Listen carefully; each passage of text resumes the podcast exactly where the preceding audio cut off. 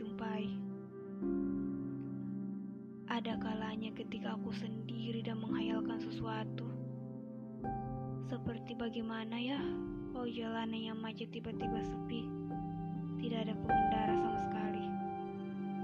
Mungkin aku bisa mempercepat laju motorku dan sampai di tempat kerja tidak dalam keadaan hampir kehabisan nafas. Tidak pernah kuduga kehaluan itu benar-benar terjadi. Tuhan mengabulkan permintaan konyolku? Lalu, apa yang kulakukan saat hanya aku sendiri di sana? Di jalan raya yang biasanya dipenuhi kendaraan-kendaraan tak tersusun rapi barisannya itu.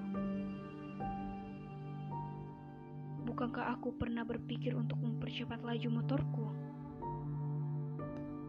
Namun mengapa aku melakukan hal sebaliknya? Pelan, pelan sekali laju motor ini. Pikiranku mencoba menerka-nerka apa yang terjadi pada sepi yang tercipta. Hari pertama tanpa kemacetan, aku tidak terlalu berpikir keras untuk hal itu. Namun hari-hari berikutnya berlalu, aku mulai tidak senang dengan sepi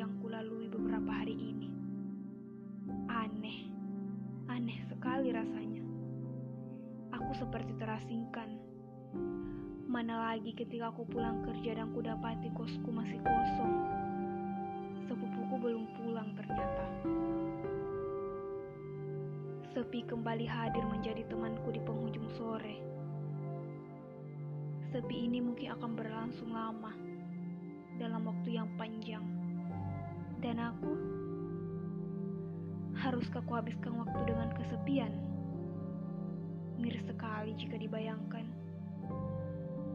Drama Korea bahkan tidak bisa membuatnya menjadi keramaian. Musik TikTok juga story teman di medsos tidak bisa membuat keadaan sepi ini menjadi keramaian. Huff, kasihan sekali ya.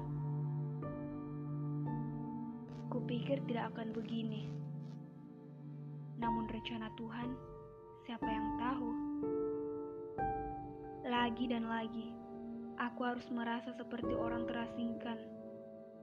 Namun kenyataannya, aku selalu berada dalam titik keramaian. Hanya saja, hati dan pikiran ini terlalu senang bermain-main dengan